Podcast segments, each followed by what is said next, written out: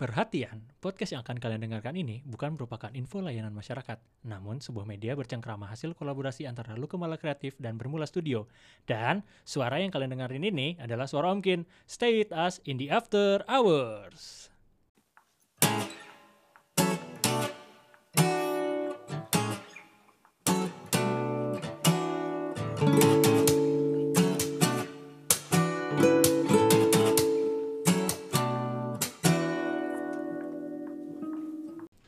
Assalamualaikum warahmatullahi wabarakatuh. Aduh, after hour kali ini eh, sedikit dingin karena Jakarta mulai dirundung hujan. Jadi sore-sore kita nih, sore-sore makin sore-sore kelabu banget nih kalau yang pulang kantor atau teman-teman yang eh, udah di rumah WFH, sore-sore tuh kayaknya bawaannya pengen udahlah gue tidur aja lah, hibernasi aja seharian. Nah, dari hibernasi itu kadang kita suka ada mimpi-mimpi yang aneh gak sih? Kalau lu suka tidur sore-sore kalau lu suka eh, apa ya namanya tidur setelah asar kalau kalau orang bilang tuh suka lu mimpi-mimpi aneh gitu kan. Tiba-tiba lu ketemu mantan lu lagi jalan sama bokap lu gitu kan. Random habis ya mimpi emang suka aneh gitu mimpi suka aneh gitu sampai akhirnya tiba-tiba lu dibangunin sama azan maghrib. Nah mumpung kita udah lewat dari azan maghrib nih aduh kita lanjutin lagi kayak obrolan dua episode kemarin dari after hours. Masih sama narasumber-narasumber kece yang sama para co-founder co-founder lu kemala oi! Halo. Aduh. Halo. gimana apa kabar lu berdua? Misu Baik, Edwin? baik baik baik. sehat bro. Kita lanjutin ya kemarin ya. Eh tahu tahu nih lu persiapan apa nih buat 17-an nih?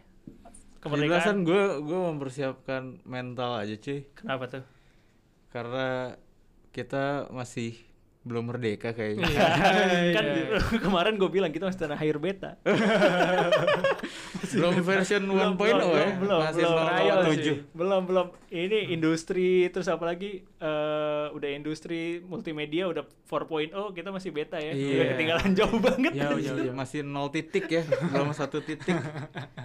Iya iya iya. Eh, tapi gimana lu nggak mau kira-kira brandingan yang cocok buat kemerdekaan RI ini apa nih Hmm, gimana Win? di tahun ini di tahun ini eh brandingnya ya harus mencerminkan ketabahan kayaknya ya itu ulang tahun berapa? 75 ya? 75, iya 75 ya, udah 75. 75, iya. Udah 3 per 4 abad ya. 75 tuh apa sih platinum ya?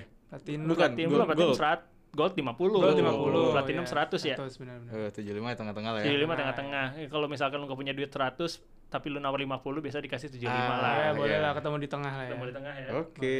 Gimana brandingan cocok nih buat Indonesia buat Indonesia di 75? serius serius butuh ketabahan cuy yang mencerminkan ketabahan sih Iya sih. Butuh ketabahan. Iya. Iya, jadi jadi Indonesia di 75 tahun ini lu kasih tagline Indonesia 75 tahun butuh ketabahan. kan biasanya tiap tahun tiap tahun tuh selalu berulang kan yang penuh semangat Ah. penuh gelora gitu kan ini ada kalanya kita agak slow dulu aja nggak apa-apa sih Ada chill dulu, chill. Chill chill, dulu. chill dulu. Iya. Indonesia chill Chill dulu. dulu. nggak Oke. nggak harus ngegas cuy serius Gak harus ngegas ya. Iya. Oke. Deh. tapi menurut gua eh, kalau untuk tagline dan brandingnya Indonesia yang 75 tahun ini sekarang pas banget lagi kayak lagi banyak masalah banget, bukan cuma Indonesia aja sih seluruh dunia, cuman khusus di Indonesia menurut gua kita perlu lebih eh, terbuka untuk melihat opportunity sih sekarang. Ini sekarang lagi kelam-kelamnya nih semua Iya, orang eh, mungkin banyak yang nggak nggak bisa ngelihat cahaya gitu ya Hmm. mungkin dengan dengan branding eh, apa ya ngubah ngubah krisis jadi kesempatan gitu mungkin lebih lebih cocok kali ya Iya itu oke sih gitu. Oke. Nah itu kan narasi dan tagline.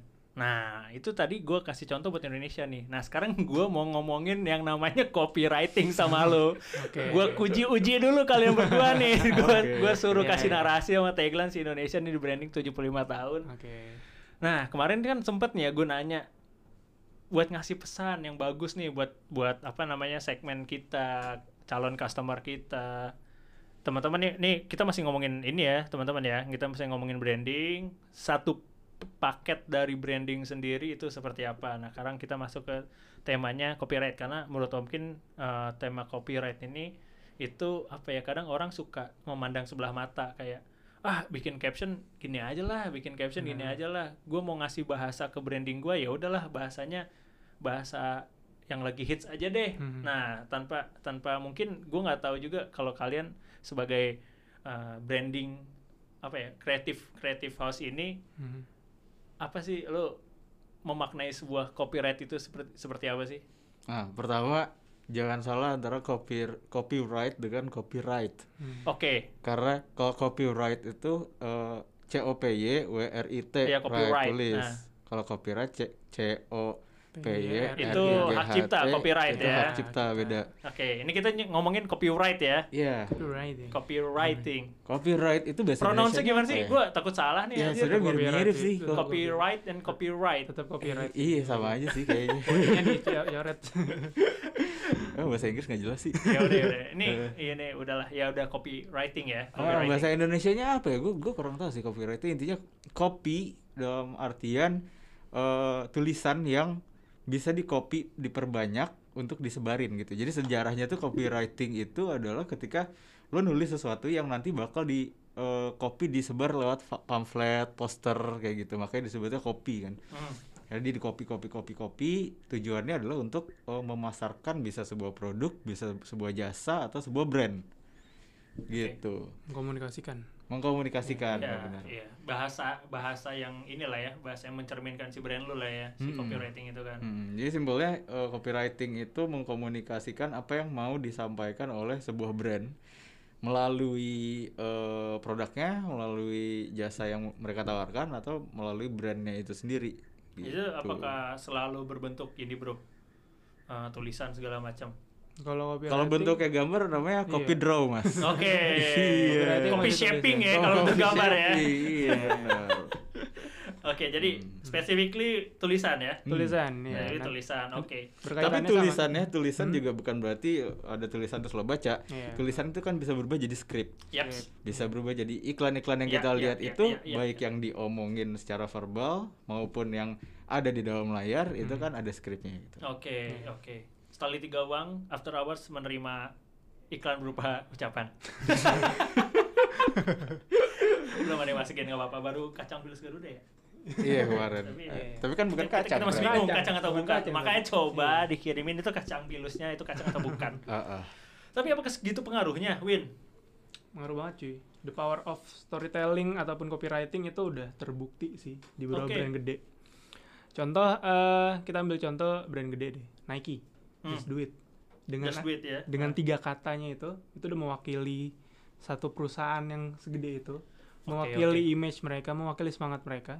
Itu sama sekali mungkin nggak nggak nggak dengan gamblang mewakili produknya nggak, tapi lebih ke brandnya, semangat yang mau dibawa gitu. Oh ya Oke. udah semua orang tuh berhak untuk melakukan olah- olahraga, semua orang berhak merasakan perubahan kayak gitu. Iya iya iya. Sama kayak lu pernah cerita siapa lu atau Misa yang cerita kalau misalkan kayak iklan rokok nih, Hmm.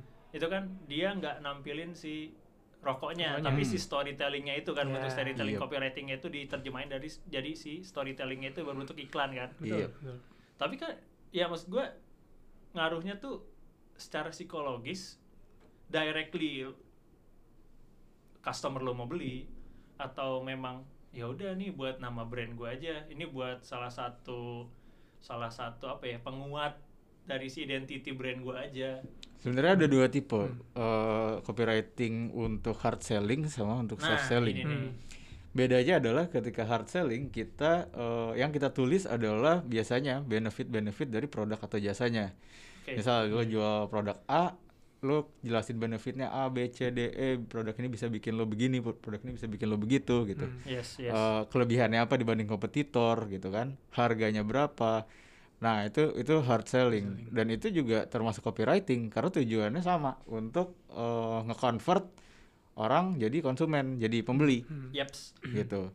Sedangkan kalau yang soft selling, dia biasanya lebih mengedepankan eh, citra dari brandnya, brand personanya. Jadi yang diceritain bukan soal eh, produknya, tapi apa dampak dari si produk ini terhadap eh, orang yang membeli produknya gitu. Jadi lebih ke misal nih ya, lo eh, beli rokok aja atau jangan rokok deh, beli apa ya beli beli nasi goreng deh gitu Safety can be fun. ah iya itu juga bisa itu itu gue nggak tahu itu produknya apa ya nasi goreng nasi goreng Safety belt. oh safety belt ya benar benar Sama helm proyek. Helm Iya, proyek. helm proyek jadi iya udah pakai safety belt udah pakai helm Helm proyek proyek, iya. bukan berarti lo jadi nggak fun gitu Iya, kan iya, iya, iya. Karena Iya. mungkin ya itu kan. Ya, berarti itu hubungannya sama soft selling kalau yang kayak gitu. Iya, gitu. Jadi dia nggak benar-benar eh, ngasih tahu. Bahkan orang yang nggak pernah denger tagline itu mungkin nggak tahu itu iklan apaan gitu Nah, kan. iya, itu iya. tagline apaan gitu. Iya, iya. Tapi kalau lo yang sering lihat gitu kan, gue sih jarang sih. Kalau lo yang sering Iya, iya, lihat, iya. pasti udah langsung oh maksudnya tuh ini gitu. Oke, oke. Gitu. Dan kenapa soft selling kadang bisa lebih efektif dibanding hard selling? Karena soft selling itu lebih eh, ngincer emosi. Emosi dari yang baca gitu. Hmm. Emosi itu bukan berarti marah ya, tapi emosi itu bisa rasa senang, rasa sedih, rasa eh, relate gitu. Jadi mereka bisa lebih eh kasarnya nangkep apa yang dimaksud sama si brandnya gitu. Nggak melulu cuma tentang barangnya. dan kelebihannya juga soft selling lebih eh, mudah untuk disebarluaskan Soft selling. selling Iya, kalau gue. konteksnya tadi copywriting karena misal ada iklan yang copywritingnya oke Hmm. dari segi pembahasan manusia pasti pakai bahasa sehari-hari kan Iya. contoh yang yang lumayan sukses misal Tokopedia dengan jargonnya mulai, Mulai aja aja dulu, dulu, gitu kan oke. itu Iya, kan iya. jauh lebih Setuju, dikomunikasikan ke Iya, iya. ke halayak luas dibanding iya. mereka misal merepresentasikan itu eh, melalui gambar atau misalnya melalui eh, campaign lainnya gitu loh dalam artian si copywriting ini ya Iya, iya. kelebihannya itu sebetulnya tapi sebenarnya copywriting ini bisa ber eh, apa ya bisa berdampak ketika satu kesatuan brand juga udah mateng sih gitu emang bagian dari Iya, bagian mas- dari seluruhan maksudnya gimana? Maksudnya gimana? nggak bisa brand dia berdiri sendiri. Oke. nggak bisa dia berdiri sendiri misal copywriting oke nih tapi sebenarnya eh, value dari brandnya belum tercerminkan dengan baik gitu loh Oh, Ba- I see. balik lagi tadi untuk mengkomunikasikan value-nya Iya, iya, iya, iya. tetap iya. value-nya dimatengin dulu diperbaiki dulu baru dikomunikasikan dengan dengan baik gitu. Tapi si copywriting itu si, si sifatnya tuh dia fleksibel nggak sih, Su, Win? fleksibel gimana nih Jadi kayak misalkan sekarang nih copywriting kayak mulai aja dulu, Hmm. misalkan kan beberapa bulan ke belakang kayak Tokopedia bukan itu deh, oh iya iya, iya, Jargonnya. iya akan terus ini kok akan terus terus berubah kan? Logo aja bisa Logo berubah. bisa kan? berubah. Iya, tapi kan buat logo mahal. Nah, Kayak gue nanya sama lu aja, lu kok malah bikin gue logo dong? Nah. Iya. Enggak, enggak, enggak, enggak mahal kalau Iya, malah karena terjangkau. copy- karena copywriting itu nggak nggak melulu soal nggak melulu soal tagline sih. iya Iya, Bukan cuma tagline doang gitu. Kayak lu bikin caption di Instagram lu itu juga copywriting sebenarnya. Nah, Kalau nah. tujuannya untuk jualan ya. Nah, itu. Gitu. Nah, itu bedanya tujuan kan tadi ada hard selling soft selling nih Hmm. yang gue tahu. Hmm. Dua-duanya jualan kan dia sebetulnya. selling. Dua-duanya selling. jualan kan. Iya. Betul. Nah, tapi di mana gue nempatin ketika misalkan gue punya Instagram branding gue nih. Gue Hmm. bukan branding gue, Instagram sebuah brand gue. Hmm, Oke. hmm. Terus gue nempatin nih gue copyrightnya di Instagram nih gue pengen Instagram gue jadi tempat hard selling banget nih. Hmm. oke iya Atau eh, ya udahlah, gue nggak usah relate sama si postingannya gitu misalkan si copyright ada juga kan kadang kita ngeliat di Instagram yang Hmm. si fotonya apa, si Captionnya nggak relate Ini nggak gitu relate. kan. iya Hmm. iya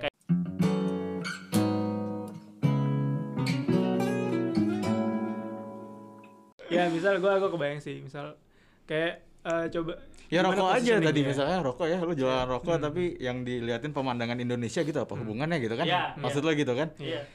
Ya itu berarti eh, misal eh, produk eh, jarum pentul gitu ya, rokok jarum pentul gitu.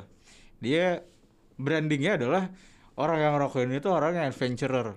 Oke. Dia yang suka berpetualang. Itu munculnya dari mana? Itu dari brand guideline mereka. Itu dari brand persona, brand image yang mereka yang udah mereka bangun gitu. Sehingga mereka muncul eh, tagline dan copywriting copywriting yang berkaitan dengan eh, image adventurer tadi gitu. Hmm, Salah satunya dengan ngasih lihat gambar eh, alam, misalkan gunung atau hutan gitu kan.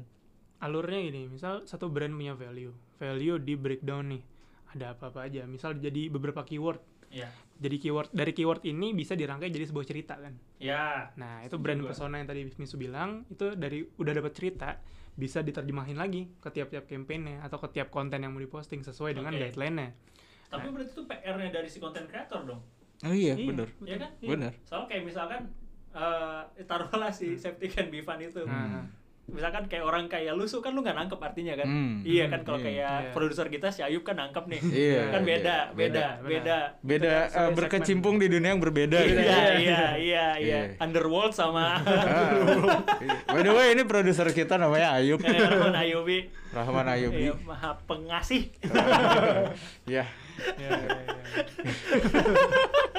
penyayang pengasih Rohman tuh pengasih Rohim itu penyayang Ah, iya, benar, gitu benar, benar. iya Betul jangan, sekali. salah jangan terbalik Heeh. gitu ya kan itu PR banget Iya. PR sih. Fair. apalagi ketika lu ngasih visualisasi nih dari se- sebuah copywriting ini sebuah visualisasi yang nggak bermakna bukan nggak bermakna apa yang bener-bener nggak relate gitu yang makanya Hmm. yang gue bingung tuh kalau ketika ada postingan Instagram terus ada caption bla bla bla bla tapi nggak relate gitu yang yang mesti gue lihat itu nah contoh misalkan kalau itu the power of copywritingnya lebih ditekanin ke gambar atau Kalau gua kalau gua nganggapnya yang tadi lo bilang gambar nggak relate, caption nggak ada sama gambar justru harusnya sih tetap relate ya. Mau se soft selling apa ya memang memang memang Ya sih. Jadi kalau yang yang eh, ternyata captionnya sama sekali nggak relate sama gambarnya, Kecuali ditulis ya Iya. bintang eh, gambar sebagai gambar pemanis. ya, Oh, itu. oke, Itu, itu oke. baru Nggak oke. relate. oke Tapi kalau kalau dia emang sengaja ya nggak nyambung ya emang nggak nyambung aja berarti. oke Hmm. gitu. Tapi intinya alur gini, gue ngelanjutin yang Hmm. eh, Edwin ya. Jadi dari brief, dari brand guideline kan kit- ketika kita punya branding, kita punya Oke, brand guideline Iya, iya, nih. kita udah pernah bahas nih guideline yang ya. kemarin kan ya. Kalau mau tahu dengerin aja podcast podcast yang, yang kemarin ya Nah, dari brand guideline ini itu isinya adalah set of rules yang berfungsi sebagai guideline agar segala tindakan branding yang dilakukan, baik itu berupa visual, eh, audio ataupun experience-experience lainnya, itu harus tetap sesuai dengan guideline yang udah dibikin. yes setuju Gitu. Nanti dari briefnya itu barulah turun ke copywriter sama ke eh, graphic designer misalnya. ya. Ah, ah. Dan, dan itu ada di satu tim eh, content creator namanya Creator ya mereka tektokan bisa mulai dari copywritingnya dulu baru dibikin visualnya bisa juga dari visualnya dulu terus bikinin dong copywritingnya Iya, gitu Betul. oke Bisa bolak-balik prosesnya. bisa bolak balik jadi kuncinya tetap kita harus ngelihat dari si guideline kita pertama Brand Iya. guideline betul. brand guideline buat gimana cara kita bisa dapat sebuah copyright yang apa ya gue sebutnya uh, tepat guna tepat kali. guna, lah ya betul. efektif lah ya Efektif, efektif sesuai lah ya tujuannya. karena kalau menurut gue juga eh, lu banyak omong juga eh banyak tulisan juga kan orang kadang suka nggak baca juga Hmm, tapi iya, tergantung iya. itu balik lagi tergantung si guidelines lu juga ya benar benar kalau memang si brand lu dikasih image buat brand yang senang bercerita mungkin Iya. Iya. bisa banyak kan tulisannya kan bisa Betul. banyak yang ditulis kalau misalkan emang efektivitas kayak tadi Edwin ngasih contoh Nike Hmm. just do it ya udah dengan tiga kata itu itu udah jadi sebuah ya kalau menurut gua copyright yang bagus lah Iya. ya kan Hmm. Hmm. itu kan makanya tadi bedanya antara tagline dengan konten kan nah konten ini kan juga ada banyak bisa Iya, konten iya. Instagram bisa Iya. konten blog Iya, iya. gitu kan konten Instagram pun misal kalau kalau misal tulisannya panjang makanya ada graphic designer gimana Yes. caranya biar orang uh, lebih tertarik untuk Oke, membaca oke, gitu iya. misalkan setuju setuju begitu juga sebaliknya jadi uh, tektokan aja sih setuju iya nah terus si copyright ini si copyright ini nih si copyright ini siapa tuh copyright? Adalah. Teman. Bukan. Waktu Bukan kemarin gue jalan ke Pantura ketemu Oh, copyright. iya, iya. banyak copyright di truk-truk lu sadar gak sih? Oh iya benar benar. oh bener Itu keren keren. itu copywriting cuy Itu ya iya sih. gak sih iya iya bener bener copywriting yang gak ada tujuan gitu Iya, itu itu buat apa tuh Cuma punya ciri khas gitu loh. iya tuh jadi ada ciri khas khas. Bener, Iya kan? Kayak ada paguyubannya deh. Iya cuy, iya. bener gue pernah lihat sampai ada satu brand yang emang dia kerjanya bikin stiker ini cuy, Iya. nah stiker kan? truk cuy. ya kan Iya, Ah. bagian gambar belakang truk tuh juga punya Iya, paguyuban. itu jadi gue gue nggak sama. tahu deh, eh, itu gimana sih Win? Intinya Win kayak ntar supirnya minta gitu ya, eh gambar ini dong gitu atau gimana sih? Bisa request, bisa request atau kayak misal dia di, ikut di satu komunitas oh masih kosong terus ada yang gambarin, Gambarin gitu. tuh. Jadi kayak Oh, kanvas Ah, bebas iya, aja iya, gitu. iya, iya. Eh, Terus tulisannya tuh kenapa selalu absurd? Itu dia. Kenapa nggak ada yang nggak absurd? Nah, gitu? itu Karena dia. kalau menurut gue ya, Iya. kalau menurut gue lu di jalanan, Nah, Ah. lu di jalanan misalkan, Ah. lu lu lu bayangin lu lagi perjalanan, hmm. lu bosen, lu lihat di depan lu truk dengan tulisan absurd. Nah, Nah Iya. itu tuh pertama bisa ngembaliin konsentrasi lu. Iya. oh, Iya kan? Iya, oke. itu. Yang kedua ngelepas penat lu. Harus menat ya. Tapi bisa juga ngedistract konsentrasi lu. cuy.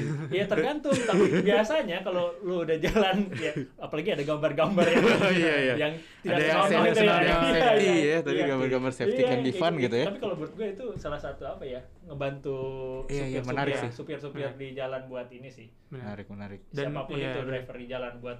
Mungkin juga menyampaikan keresahan para supir gitu ya. bisa jadi, Iya bisa kan? Jadi, bisa sekalian jadi. gitu. Sekalian balik lagi sama berarti fungsinya menyampaikan pesan kan. Iya, iya, iya. Pesan, menyampaikan gagasan. Dengan cara yang berbeda aja. Berbeda Cara iya berbeda sesuai aja. dengan persona kasarnya brand si supir truk nih misalnya. Iya, iya, iya, iya. Gitu. Iya, iya. menarik. Kalau lu kemala sendiri, kalian ngeset copyright lu kemala seperti apa? Lu kemala itu kan dari kemarin kita sempat bahas artinya adalah membaca kan. Iya. Membaca itu bisa membaca tulisan, bisa membaca warna, gambar, bentuk, membaca Oke. makna segala macam gitu kan. Nah, kalau untuk copywriting yang lu kemala sendiri kita memposisikan diri sebagai eh, sebuah sosok atau teman yang yang suka sharing gitu. Oke. Yang pengen sharing sesuatu yang mungkin eh bisa bermanfaat buat teman-teman tapi di sisi lain juga bisa menghibur juga gitu. Nah, makanya dari secara konten kita kemasnya gimana caranya ini bisa punya insight-insight yang bagus tapi tetap kemasannya fun gitu. Iya. Nah, ya, Jadi iya. walaupun safety can be fun, Fun, gitu. iya. Kok lu jadi ngulang-ngulang? Nggak tahu sih. Balik ya. Ya. Tapi jadi penasaran tuh produk apa sih?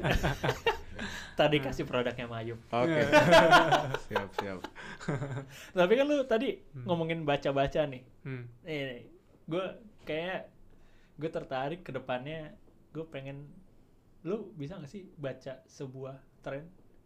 Hmm, menarik. Itu pertanyaan seru tuh. Iya gak sih? Iya. Gimana Win? Gimana Win? Membaca sebuah tren mungkin ngelihat pola-polanya sih apa ya namanya membaca kan ada ada sedikit prediksi Iya. ada ngelihat pattern yang memunculkan kesimpulan Iya. gitu kan kalau membaca sebuah tren mungkin membaca bisa tapi kalau untuk menyimpulkan dan memastikannya itu kan beda cerita Iya, gitu iya, kan. iya. tapi kita biasanya emang eh, dalam mendesain pun udah ada perkembangan-perkembangan desain dalam berapa tahun terakhir Nah ya udah udah udah udah udah episode depan aja bahas ya episode depan aja. Tapi si, si, si tren itu si tren itu Iya. si tren itu bakal ngaruh sama copyright nggak terakhir buat copyright nih? Tren. Tren ngaruh sama copyright atau enggak? Iya. Ketika trennya udah terjadi, eh, sedang terjadi atau Eh, masih yes, diprediksi? Yes, masih ya Ketika gimana lagi gini, ngetren gitu. Ya misalkan lu lu mau ngejual nih barang, Hmm? let's say si eh, apa ya tadi? Si mic, Oke. bukan orang ya, Mic- mikrofon, Iya, mikrofon, oke. iya. mikrofon gitu. Kirain Mike Mohede. Gua gua susah udah Almarhum lagi sih. Ini aduh, maaf, maaf. Gue kira mari kita doakan agar Mike Mohede Amin. Kita doain Iya. semoga bisa menyanyi di surga. Amin. Amin, amin. Bersama uh, Kakak Glenn. Anji. Belum, Oh, belum, belum, belum. Ya, aduh, maaf, maaf, Kakak maaf. Kakak Glenn dan uh, apa Pak D Didi. Ah, iya. Didi iya, Kempot. iya, Didi. Iya. Oke. Eh, tadi balik lagi. Anjir apa sih gue lagi ngomongin apaan? Ngomongin Mic, jual mic, jual mic, jual mic. Iya jual mic. Nah kan lu target kan biasanya gue sebagai owner nih misalkan gue sebagai founder gue mau jualan mic sebulan ke depan gitu kan. Hmm. Nah gue lihat ya kan itu dari ba- bagian dari tren juga gak sih si copyright itu? Tren gimana Ini dulu? penutupan aja nih penutupan buat Ah. si copyright nih gue. Ah, gini, kalau Biar menurut kita- menurut gue gini. eh kalau mic-nya itu lagi ngetren pada saat Enggak itu. enggak enggak gue enggak masalah mic-nya. Oke. Pem- Pemilihan gue gue tata masalah bahasanya. kata bahasanya. Oh. Kayak kayak lu sekarang yang sering gue lelewe apa? Oh, yuk, gua tahu, gua ini tahu. apa? gue dikasih minuman, wakin approve anjir. Oh, iya, Udah bilang iya, aja iya. suka nggak usah approve anjir. Iya, iya, ya kan? betul. Terus Maksudnya- eh, iya iya bahasa-bahasa Iya. kayak gitu. Maksudnya menggunakan bahasa-bahasa yang sekarang lagi ngetren gitu. Yes, Iya, yes. iya. Nah, itu Yang- bagian dari tren juga kan. Iya. Maksud gua. Iya, betul. dari bahasanya. Nah, itu sebenarnya gini, fungsi utamanya adalah gimana caranya supaya brandnya itu relatable sama konsumennya. Iya. Gi- Salah satu caranya adalah pakai bahasa konsumennya gitu. Iya. Iya, iya. Iya, soalnya kan ya boleh dibilang gua harus bikin copyright yang good gitu, yang Ah. bagus, Hah? yang oke. Iya. Kayak kayak si supir truk aja kalau misalkan eh, pasarnya adalah supir truk, Iya, lo iya. bikin copywritingnya pakai bahasa Inggris yang nggak masuk gitu. Benar. Ya, Gitu. iya, iya, iya. Atau lo eh, mau jual barang atau produk ke orang Bandung tapi pakai bahasa anak Jaksel nggak masuk. Ya, belum tentu. Su. Oh, gimana tuh? Iya. Eh, Bapak orang Bandung apa orang Jaksel, Pak? Gua orang Jaksel KTP. Oh, KTP Jaksel. Ah, Eh, tapi tapi asli 10 Sunda. tahun, 10 tahun gue di Bandung. Asli orang Jawa. Oh. Wes pasti aku. Iya, gitu. iya. Maksud gua, Iya, kadang kadang kayak orang di Bandung gitu. Kadang dia orang di Bandung ngelihat bahwa nih di Jaksel lagi ada tren. Hmm. Nah, mereka ngikutin. Iya, benar. gitu Gua- kan. gua setuju. dan dan Iya. si copyright yang anak Jaksel yang bisa masuk ke anak Bandung malah banyak juga gitu. Hmm. Iya. Meskipun di sih naon sih ya Jakarta pisan Hmm, kita tapi iya. tapi tetap aja gitu. Terus diikut munafik Tetep- dong, tetep- cuy. Iya pasti lah. Orang bukan manusia aja. Orang Indonesia iya nomor satu, tapi Iya, iya, manusia iya. pasti munafik gitu. Ya, kebayang Iya. gua. Menurut gua perkembangan copywriting itu trennya eh, lumayan cepet ya. Iya. Apalagi dari sosmed itu bakal cepet banget berkembangnya. Kalau inget dari zamannya sering keluar kata kekinian, Nah, Itu kayak hampir semua produk ada kekinian, kekinian, iya, kekinian. kekinian. Oke, oke. tapi ya sama jadi overuse juga sih Iya, menurut gua. wah, overuse overuse, kan. basi. Iya, millennials of Iya, kekinian iya. Ya, gitu. kayak gitu-gitu. Akhirnya eh, kalau misalnya mungkin untuk pasar yang eh, pasar yang apa ya? Gue nggak mau bilang alay sih, tapi Iya. apa ya? Maksudnya yang pasar yang begitu, Benar.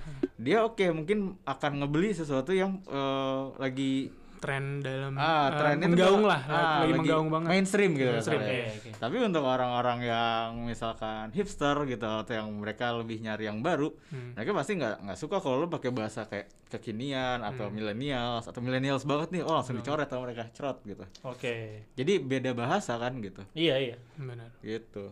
Beda Walaupun trennya sama di satu waktu yang sama, cuman karena pasarnya beda, ya jadi beda gitu. Gitu. Apalagi sekarang zaman sosial media banyak yang bisa nulis. Tapi Hmm. kemarin gue sempet bahas sih, nyari graphic designer tuh gampang, tapi nyari copywriter tuh susah banget sih. Iya. Karena sebenarnya gini, eh, mungkin banyak yang belum nyadar juga copywriting itu sebagai profesi pertama. Benar, benar. Yang kedua, bahkan beberapa copywriter yang udah jelas kerja di eh, beberapa startup yang lumayan terkenal gitu ya.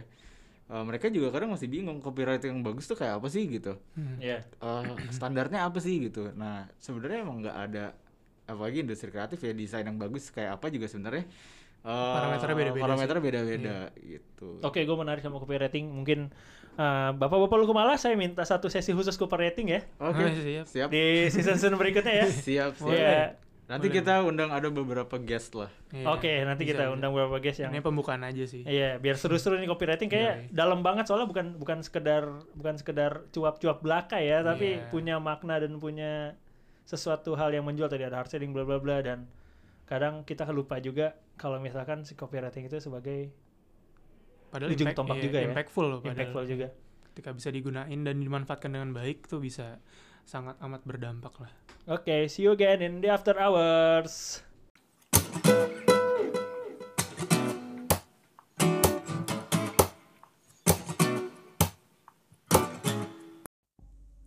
Saat ini, kita sedang berada di tengah-tengah kondisi pandemi, baik di Indonesia maupun di seluruh dunia.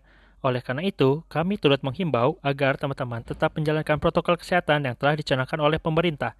Dan juga, jangan lupa untuk berolahraga secara teratur, serta bersenda gurau, agar kesehatan mental dan jasmani teman-teman tetap terjaga. Terima kasih telah mendengarkan dan akan terus mendengarkan After Hour. See ya! Mula. Kreasi koneksi edukasi.